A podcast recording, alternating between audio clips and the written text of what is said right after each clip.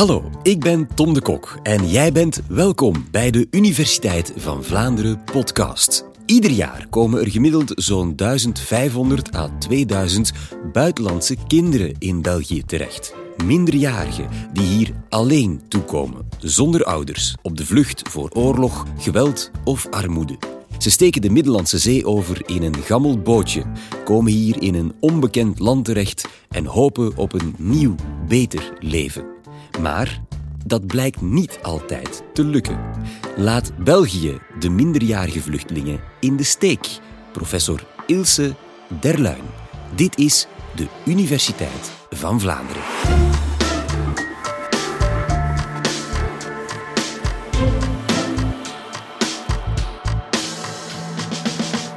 De audiofragmenten die je hoort komen uit de prachtige documentaire reeksen Vijf jaar hier van Farah Deagire en Wij zijn mensen van Nick Balthazar. September 2013. Ondanks grote protesten wordt Navid, die hier als niet begeleide minderjarige jaren geleden aankwam, die hier nu als loodgieter werkt, de taal spreekt en, zoals we zeggen, perfect geïntegreerd is, toch teruggestuurd naar Afghanistan. 2 september 2015. Aylan Kurdi, een driejarige peuter uit Syrië, ligt dood op de kust van Griekenland, overleden bij de oversteek vanuit Turkije naar Europa. Verhalen van vluchtelingen zoals we die allemaal kennen. Van ver en soms ook van heel dichtbij, van vroeger, toen er bij ons nog oorlog of armoede was, en van nu. Vandaag wil ik jullie meenemen in het verhaal van niet begeleide minderjarigen, jonge vluchtelingen die zonder hun ouders hun land verlaten. Ik ben Youssef, ik ben 13 jaar en ik kom van Irak, van Bagdad. En mijn papa en mijn mama zijn nog in Irak. In juni 2015 heeft mijn mama beslist dat Ahmed, je moet naar het buitenland gaan. Je moet vertrekken. Ons land heeft een duidelijke definitie van wat een niet begeleide buitenlandse minderjarige is. Officieel is dat een onderdaan van een land dat geen lid is van de Europese economische ruimte, die jonger is dan 18 jaar en niet begeleid is door een persoon die het ouderlijk gezag of de voogdij over hem uitoefent.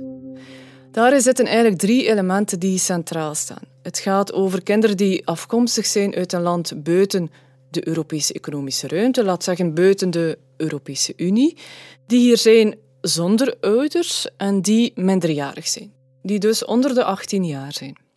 Het kinderrechtenverdrag heeft um, aangegeven dat deze groep van niet begeleide minderjarigen een hele speciale ondersteuning dient te krijgen. Dat wij hen omwille van die status als minderjarige en zonder ouders en als nieuwkomer ook in ons land, dat wij hen moeten beschermen. Dat betekent dat we hen specifieke opvang en ook specifieke documenten geven, zolang dat zij binnen die groep van de niet begeleide minderjarigen vallen. Natuurlijk zien we dat een aantal meerderjarigen, omwille van die specifieke ondersteuning die zij dan krijgen, dat zij zich soms als minderjarigen gaan voordoen. Dus onze wetgever doet van alles om eigenlijk die groep van de zogenaamd echte niet begeleide minderjarigen te gaan onderscheiden van de zogenaamd niet echte niet begeleide minderjarigen. En wat dat aspect minderjarigheid betreft, doen we leeftijdstesten. Dus onze overheid doet, uh, gaat leeftijdstesten gaan uitvoeren, gaat botskansen uitvoeren van de pols, van de tanden, van het sleutelbeen, om op die manier te proberen die biologische leeftijd te gaan bepalen.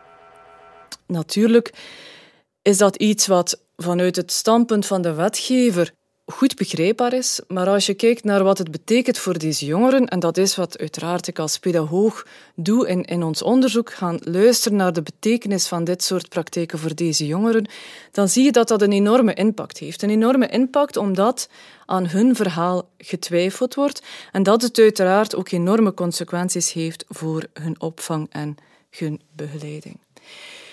Die leeftijdstwijfel is natuurlijk maar één element van wat het welzijn van deze jongeren um, beïnvloedt. En ik wil jullie vandaag meenemen in een verhaal van verschillende aspecten die in het leven van deze jonge vluchtelingen hun leven en hun emotioneel welzijn gaan beïnvloeden. Dus wat zijn factoren die dat emotioneel welzijn beïnvloeden? Hoe zit het ook met dat emotioneel welzijn? Wat voor problemen hebben zij? En wat soort antwoord stellen wij daar dan als overheid, als land tegenover? Ik ga starten met een aantal aspecten die gelinkt zijn aan enerzijds het vluchteling zijn en anderzijds het feit dat zij hier zijn zonder ouders. Vluchteling zijn, uw land verlaten, betekent in eerste instantie dat je geconfronteerd wordt met heel veel verliezen. Je laat van alles achter. Je laat vrienden achter, je laat familieleden achter, je laat materiële bezittingen achter, je laat een toekomst achter, je laat een positie achter in de samenleving, je laat van alles achter. En al die verliezen geeft uiteraard periodes en symptomen van rouw, van heel verdrietig zijn, maar ook vaak van heel veel heimwee. Dus heel veel terugkijken op dat moment naar het land van herkomst. De weer daar is echt kei mooi. Um, daar zijn zoveel uh, culturen. Al, het was altijd warm gewoon.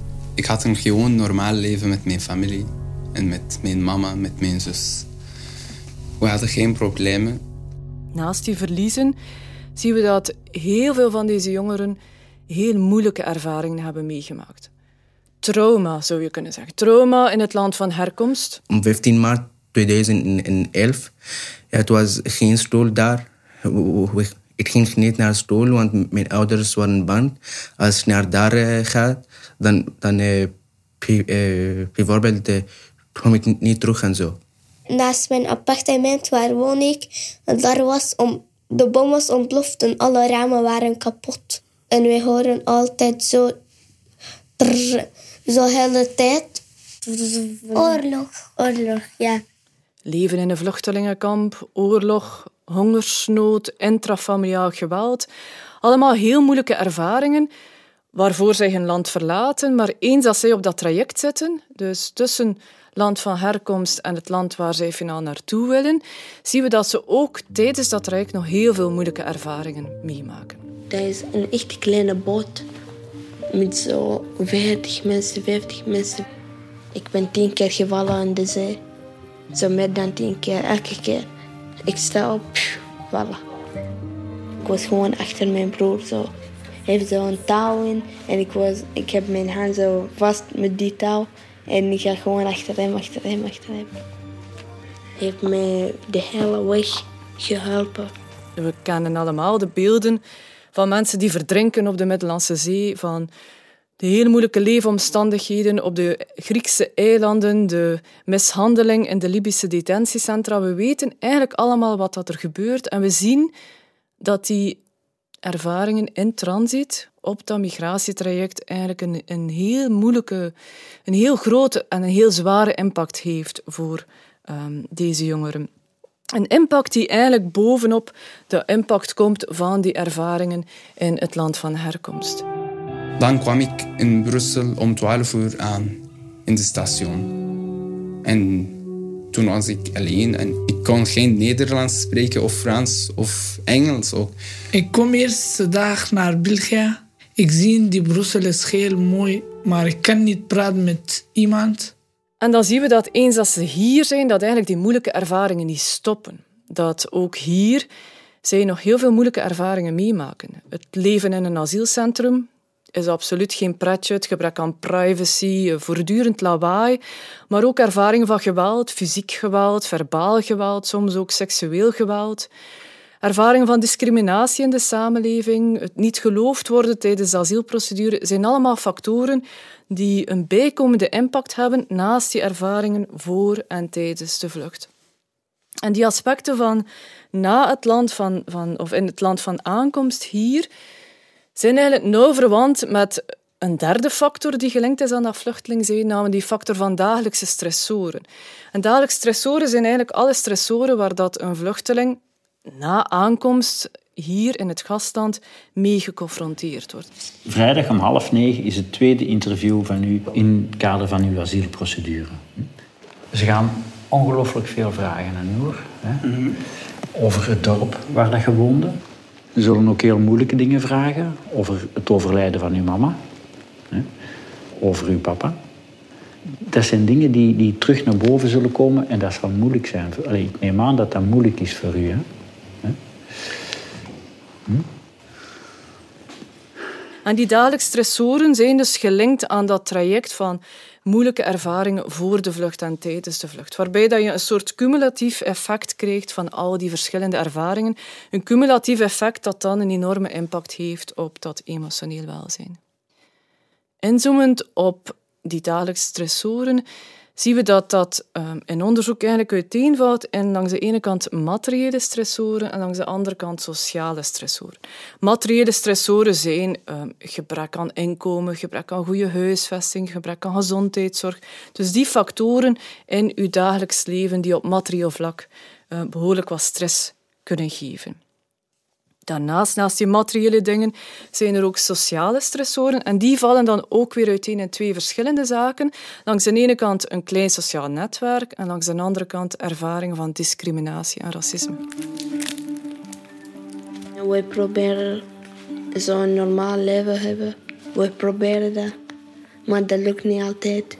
We weten allemaal, als je een moeilijke tijd hebt in je leven, dat het goed is en, en fijn is om te kunnen terugvallen op een netwerk van familie en vrienden en buren om u ondersteuning te geven. Deze jongeren worden met heel veel stressoren geconfronteerd en hebben tegelijkertijd als nieuwkomer in dit land heel weinig sociaal netwerk. Net op het moment dat ze eigenlijk heel veel sociale steun zouden kunnen gebruiken. Dus ook dat, het kleine sociale netwerk dat zij hebben, is zeker een bijkomende stressor uh, naar hun emotioneel welzijn toe. Liever geen, maar ik soms mis mijn papa en mama. Ik mis mijn vrienden ook, ik mis mijn stad ook. Mijn school, die begrijpen dat niet. Die, die zeggen gewoon, ja, er zijn ook kinderen alleen gekomen. Ja, maar iedereen is anders. Misschien zo hard sterker dan die van mij. Ik kan gewoon zonder mijn ouders niet leven. Naast dat sociaal netwerk heb je ook ervaringen van discriminatie en racisme.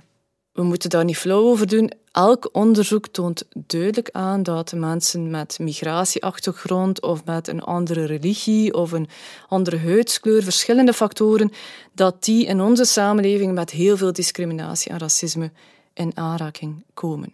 Ja, soms mensen zeggen, je bent vluchteling, je bent zo, je bent zo, maar je terug naar je land, terug naar je land. Ik verwerk dat altijd naar de positieve. Like, zij kunnen er bijna niks aan doen dat ze zo denken. Ervaringen van discriminatie die u eigenlijk voortdurend het gevoel geven dat je hier niet gewenst bent, of dat je hier niet gewenst bent zoals dat je bent. Dat mensen u niet willen, u hier niet willen, omdat je zo bent. Soms zie ik mensen die mij niet graag hebben, want ik ben serieus, omdat ik, omdat ik naar België gekomen heb. En zeggen zo, waarom heb je naar onze land gekomen? Ik kom niet hier naar België om, om iets slecht te maken. Ik kom hier naar België om de land te bouwen met iedereen nu leef ik echt in, in ja, nachtmerrie. Ik kan... Ik weet niet wanneer gaat die nachtmerrie stoppen. En als jongeren voortdurend het gevoel krijgen dat mensen u niet willen, of u niet willen zoals dat je bent, heeft uiteraard een enorme emotionele impact. Verliezen moeilijke ervaringen en dagelijkse stressoren. Als vierde factor een proces van acculturatie. Proces van acculturatie is eigenlijk het proces waarbij dat je als nieuwkomer, migrant, vluchteling een evenwicht tracht te zoeken tussen wat wil ik behouden van mijn cultuur uit het land van herkomst en wat wil ik overnemen van die nieuwe cultuur. En uit onderzoek weten we dat het vinden van een evenwicht tussen de beiden eigenlijk het beste is voor uw emotioneel welzijn. Maar ook daar geven wij als samenleving heel vaak de boodschap dat wij het liefste van al willen dat mensen zo weinig mogelijk van hun cultuur behouden, zoveel mogelijk worden zoals wij zijn en zo weinig mogelijk anders zijn in het publieke leven. Niet begeleide minderjarigen krijgen tijdelijk documenten, soms definitief, maar meestal is dat een lang proces vooraleer duidelijk wordt dat of ze hier zullen kunnen blijven of niet, en dat geeft uiteraard heel veel onzekerheid. Heel lang in onzekerheid blijven, wat heel scherp contrasteert met de enorme aspiraties die ze hebben. Ze, ze willen hier veiligheid vinden, maar ze willen ook een toekomst uitbouwen, een diploma halen, werk vinden, geld verdienen, een gezin stichten. Dus heel veel aspiraties die ook gelinkt zijn aan een enorme bezorgdheid naar het land van herkomst toe.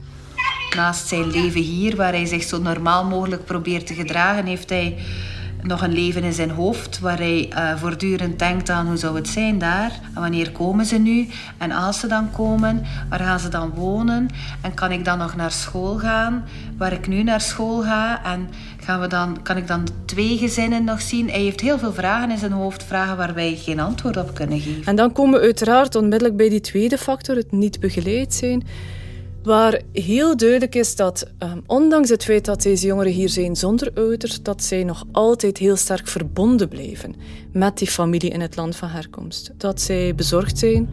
En hij zei ook wel vrij snel van als mijn familie komt, mogen ze niet langs de zee komen. Zij moeten met het vliegtuig. Dat zij dingen willen doen, geld willen opsturen, willen zorgen dat hun ouders kunnen overkomen, zorg willen dragen voor een kleiner broertje of zusje dat mee is. Je moet heel veel papieren maken en mijn broer kan dat niet alleen doen.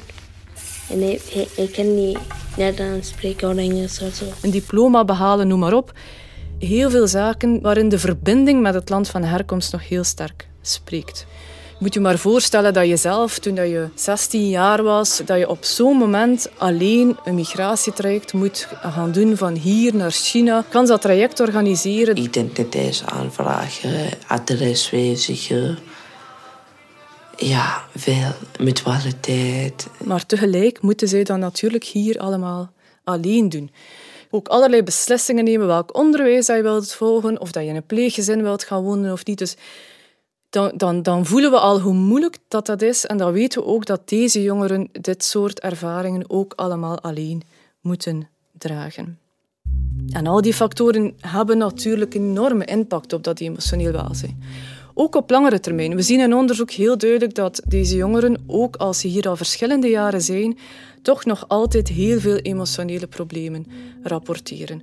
20 tot 30 procent zegt, van hen zegt ook na twee jaar hier in het gastland dat ze nog ernstige tot heel ernstige symptomen van angst en depressie hebben.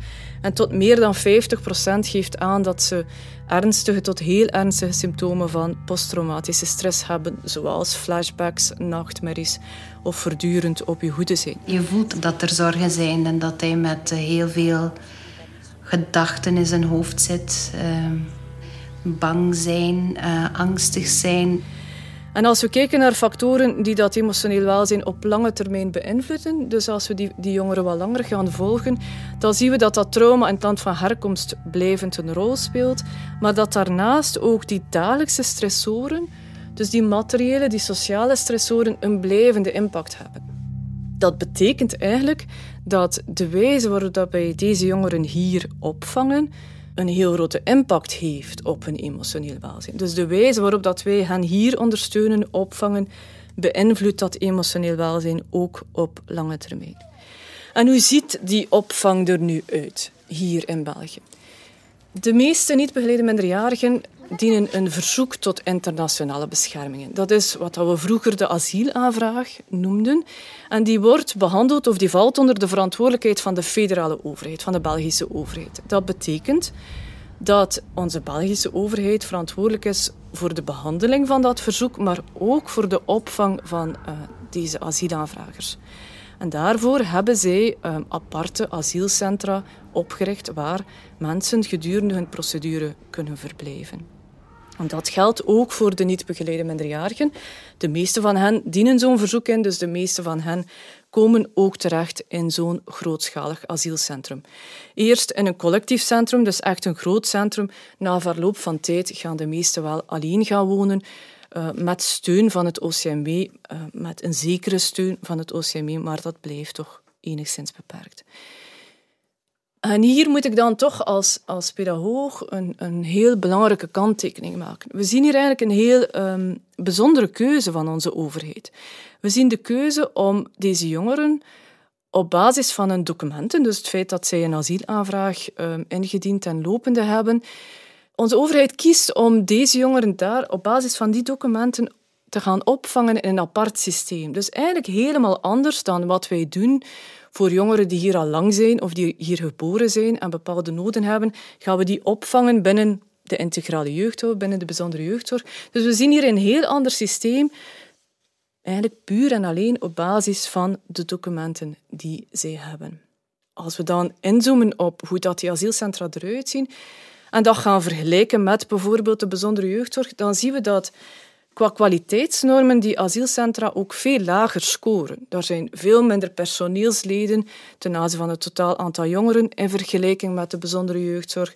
Eh, de infrastructuur is veel slechter, er zijn veel grotere leefgroepen, het aantal bijzondere functies, zoals orthopedagogen, psychologen, is veel minder in die sector. Dus we zien algemeen een veel lagere kwaliteit van opvang.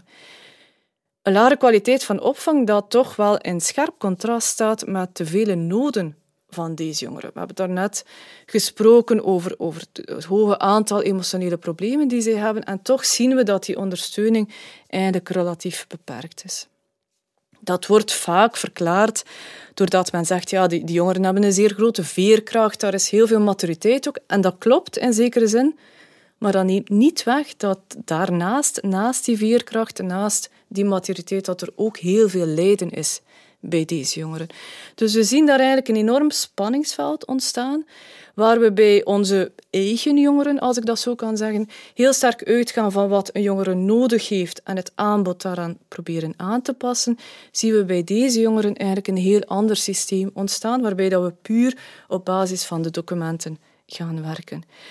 En dat zien we ook doordat de wetgever ook bijvoorbeeld vaststelt dat binnen die centra niet alle jongeren, niet alle niet begeleide minderjarigen echt goed opgevangen kunnen worden. Dus daar meer en meer zien we ook binnen die groep een onderscheid gemaakt worden, zogenaamd op basis van kwetsbaarheid wordt dan gezegd. En dan spreken we over meisjes of over kinderen onder de 15 jaar. Die stromen dan wel door naar structuren binnen de bijzondere jeugdzorg waar wel meer ondersteuning is. Maar ook daar zien we opnieuw dat het niet vanuit de noden van elke individuele jongere vertrekt, maar wel vanuit zogenaamde objectieve kenmerken, zoals daar zijn um, de leeftijd of het geslacht. Dus we kijken hier in eerste instantie, of we gaan hieruit van het, het gegeven dat zij vluchteling, vreemdeling zijn, veel meer dan vanuit het feit dat zij kinderen zijn. En dat klinkt allemaal heel zwaar en heel negatief en dat opent de vraag van wat moeten we daar nu mee? Wat kunnen we daarmee als individuele burger, maar hoe kunnen we ook um, als overheid daar op een andere manier mee omgaan? Als individuele burger denk ik dat we heel veel kunnen doen door het creëren van zowel continuïteit als uh, connectie. Connectie zoeken betekent dat we hen kunnen ondersteunen door heel sterk vanuit ons eigen mens zijn met hen verbinding te gaan leggen. Bijvoorbeeld als Peter Meter, als buddy, als goede buur, als pleegouder, door in te zetten op het uitbouwen van dat, van dat sociale netwerk, maar ook op die manier heel veel sociale steun te kunnen geven. Connectie leggen en daarnaast ook ruimte laten en, en mogelijkheden creëren tot continuïteit. Continuïteit door openheid te geven aan cultuurbehoud, door jongeren tegemoet te treden vanuit hun lange en, en, en open identiteit vanuit hun verschillen die er zijn, culturele verschillen die er zijn, en op die manier ruimte, waardering, respect te creëren voor hun anders zijn, hun andere taal, hun andere religie, hun andere opvoeding, hun andere waarden en normen. Daarnaast denk ik vanuit het creëren van uh, die connectie en die continuïteit, vanuit het eigen um, mens zijn. Wat we in onderzoek zien als iets dat, dat bijzonder waardevol is. Jongeren geven heel duidelijk aan dat, dat die, die ene vrijwilliger of die ene buddy die hen de eerste jaren na aankomst heeft ondersteund, dat dat enorme, enorm waardevolle ervaringen zijn die, die voor het leven eigenlijk meegedragen worden. Zien we dat we moeten blijven die grotere vraag stellen. We moeten blijven die grotere vraag stellen hoe we daar als maatschappij mee omgaan. En dan moet ik zeggen dat we daar jonge vluchtelingen wel in de steek laten. Als individuele burger heel vaak niet, maar als maatschappij laten we die jonge vluchtelingen heel vaak wel in de steek. En dus moeten we streven naar een, wat mij betreft, radicale shift, waarbij dat we hen niet meer als eeuwige gasten, als eeuwige vluchtelingen gasten gaan zien, maar in de eerste plaats als kinderen en jongeren, of zelfs veel meer nog, in de eerste plaats als onze eigen kinderen en jongeren. Wauw, dankjewel, professor Ilse Derluin. Dat zijn grote woorden, daar gaan we het zo meteen nog uh, verder over hebben. Ik wou misschien eerst eens even terugspoelen en uh, vragen hoe jij als pedagoog um, in, in dit deel van de sector gerold bent. Hoe ben jij in aanraking gekomen met minderjarige vluchtelingen? Ik wou eigenlijk eerst mijn doctoraat doen over kinderarbeid in India. Dus ik wou altijd wel iets doen met het, met het buitenland. Dat bleek toen praktisch te moeilijk, dus ik heb dan iets gezocht hier in, in België. En mijn ouders um, zijn vele jaren pleeggezin geweest. En een van de pleegkinderen die er lang uh, geweest is, was een niet begeleide minderjarige uh, jongen uit Pakistan. Dus vandaar dat ik die groep kende. En op dat moment twintig jaar geleden bijna, is, was er eh, heel weinig onderzoek over emotioneel welzijn van niet begeleide minderjarigen. Was die groep ook nauwelijks gekend, dus het was een, een uitgelezen thema om, om te gaan bekijken. Hmm.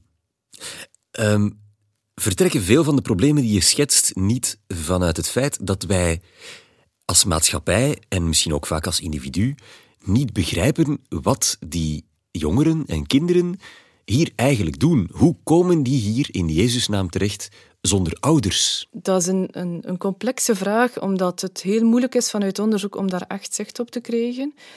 Um, daar zijn denk ik heel veel verschillende redenen voor. Heel vaak is het zo dat um, ouders of andere familieleden voor hen de keuze maken. Dat zij eigenlijk zogenaamd opgestuurd worden, omdat ouders vinden dat het te onveilig is, of omdat ouders maar één smokkelaar kunnen betalen, dus één iemand van de familie um, wegsturen. Soms gebeurt het ook dat jongeren echt zelf die keuze maken, soms zelfs zonder um, hun ouders in te lichten, dat zij eigenlijk zomaar uh, vertrekken. Soms is het ook dat, zo dat zij in kader van bijvoorbeeld mensenhandel naar hier komen, dus echt gerecruiteerd worden met het, kader, uh, met het oog op exploitatie, naar hier komen. Dus dat is heel... heel verschillend, denk ik, die redenen. Het is ook niet zo makkelijk om daar echt zicht op te krijgen, omdat jongeren daar soms ook, ook um, ja, heel terughoudend zijn om daar iets over te vertellen. Maar ik denk dat het wel belangrijk is dat we um, er blijven van uitgaan dat eigenlijk bijna alle ouders het beste met hun kinderen voor hebben. En dat um, het feit dat ouders die keuze maken, dat dat echt is om, om met het doel of de hoop op een betere toekomst. Dus ik denk dat we heel voorzichtig moeten zijn om ouders uh, op dat vlak ook te gaan veroordelen. Dat we eigenlijk uh, daar heel open moeten naar kijken, ook omdat de jongere zelf daar heel weinig aan heeft als we een heel negatieve houding aannemen ten aanzien van de keuzes die deze ouders maken. Bestaat er onderzoek naar hoe die jongeren hun, um, hun vlucht op langere termijn evalueren? Zijn ze hier dan uiteindelijk beter af dan in hun thuisland? Levert dat iets op, dat vluchten? Ook dat is een heel complexe vraag, omdat dat ook heel verschillend is. Voor sommigen uh, levert dat inderdaad iets op. Ook al um, blijft het altijd iets van in between. Je bent, het is heel moeilijk, um, zeker voor eerste generatie migranten en vluchtelingen, om hier helemaal aan te komen, om hier helemaal te zijn. En zeker als gezinnen vluchten zien we dat ouders dat heel vaak voor hun kinderen doen. Dus ja, voor een aantal levert het iets op, ook al blijft er altijd gemis en heimwee en pijn. Um, anderen zeggen dat ze het nooit meer zouden opnieuw doen. Zeker um, relatief kort na aankomst, omdat het vluchttraject zo moeilijk geworden is op dit moment dat, en ze zoveel hele moeilijke dingen meemaken onderweg. Um, dus het is heel verschillend, ook afhankelijk van of ze documenten hebben of niet.